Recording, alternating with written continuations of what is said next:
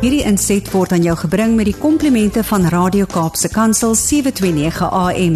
Besoek ons gerus by www.cape pulpit.co.za. Goeiedag almal. Ek is Erika de Tooy en ons gesels weer saam oor gestremdheid en die impak daarvan op individue, families en die samelewing.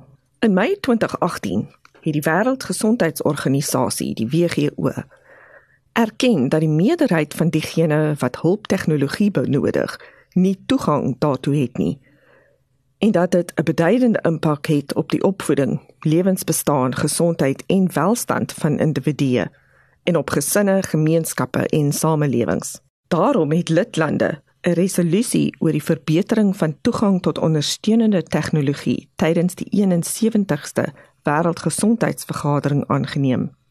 Die WHO se direkteur-generaal is versoek om 'n globale verslag oor effektiewe toegang tot ondersteunende tegnologie voor te berei.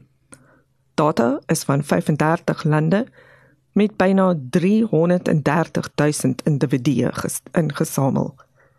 Hierdie globale verslag oor bystandstegnologie is sopas vrygestel. Volgens die verslag sal 'n geraamde 2.5 miljard mense baat vind by een of meer hulpmiddels wat waarskynlik teen 2050 tot 3.5 miljard mense sal styg. Vorige statistieke het getoon dat 70 miljoen mense 'n rolstoel nodig het, maar slegs 5 tot 15% wel een ontvang. Produksie van gehoorapparate voorsien net 10% van die wêreldwye behoefte en slegs 3% in ontwikkelende lande. Met ander woorde, daar is nie net gapings in die verskaffing van hulpmiddels nie. Daar is ook 'n verskil tussen vraag en aanbod. Kom ons kyk eers wat presies 'n hulpmiddel is. Die Wetskrif oor die regte van persone met gestremthede definieer 'n hulpmiddel as en ek haal aan enige toestel, produk, toerusting of gereedskap wat ontwerp of aangepas is om persone met gestremthede in staat te stel om aan aktiwiteite take of aksies deel te neem. Hulle kan die volgende insluit: mobiliteitshulpmiddels soos rolstoele, proteses en krikke, kommunikasiehulpmiddels soos gehoorapparate, FM-stelsels, sensoriese hulpmiddels soos witkieries, geraasverminderings, oorfone en gekleurde lense tegnologie hulpmiddels soos rekenaars vir alternatiewe en aanvullende kommunikasie, skermlesers vir grootglase of teks en audio formaat. Hulptegnologie aan die ander kant is 'n sambreel term wat ondersteunende, aanpasbare en rehabiliterende toestelle en dienste vir persone met gestremthede insluit wat persone met gestremthede en leerverskille in staat stel om onafhanklikheid te bereik Dit sluit byvoorbeeld lusstelsels en alternatiewe insette vir kognitiewe bystand en rekenaar of elektriese hulptoestelle in. Maar wat is die situasie in Suid-Afrika? Die regering verskaf hulpmiddels soos rolstoele, walkers, soos dit in Engels bekend staan, krikke en so aan aan diegene wat die openbare gesondheidstelsel gebruik sowel as gehoorapparate tot 'n mindere mate. Onvoldoende befondsing vir rehabilitasiedienste beteken egter dat kliënte vir lang tydperke op waglyste geplaas word.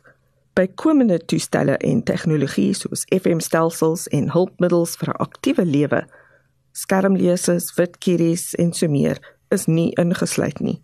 Dit toon uiterste bevoordeling van mobiliteitsgestremdheid met min gedagte aan ander tipes gestremdheid. Skenkings van goedkoop toestelle wat in oorseese lande vervaardig word, word ontvang wat ongelukkig nie altyd geskik is vir die Suid-Afrikaanse omgewing nie, veral rolstoele. Hierdie rolstoele is nie geskik vir rowwe terrein nie, word nie van kwaliteit materiaal vervaardig nie en wanneer hulle breek, is onderdele nie beskikbaar nie daar is ook die fout om te dink dat een rolstoel is toepaslik op almal of 'n slegte rolstoel is beter as niks. Hierdie lei tot sekondêre gesondheidskomplikasies wat weer 'n groter druk op ons gesondheidstelsel plaas. Die wêreldwye verslag gee 10 aanbevelings vir lid lande waarvan Suid-Afrika een is. Nommer 1: Verbeter toegang tot ondersteunende tegnologie met alle sleutelontwikkelingssektore, veral gesondheid, onderwys, arbeid en maatskaplike sorg. En spesifieke beleide moet in plek wees om dit te doen. Nommer 2: Verseker dat hulpmiddels veilig, doeltreffend en bekostigbaar is volgens gehalte standaarde gemaak. Nommer 3: Vergroot, diversifiseer en verbeter arbeidsmagkapasiteit. 4. Betrek gebruikers van bystandstegnologie en hul gesinne aktief. 5. Verhoog openbare bewustheid en bekamp stigma. 6. Belê in data en bewysgebaseerde beleid. 7. Belê in navorsing, innovasie en 'n bemagtigende ekosisteem. 8. Ontwikkel en belê in bemagtigende omgewings. 9. Sluit ondersteunende tegnologie in by humanitêre reaksies. En 10. Verskaf tegniese en ekonomiese bystand deur internasionale samewerking om nasionale pogings te ondersteun. Ons eie wetskrif oor die regte van persone met gestremthede praat oor toegang tot bekostigbare hulpmiddels en ondersteuning insluitend toeganklikheid van inligting en kommunikasietegnologie.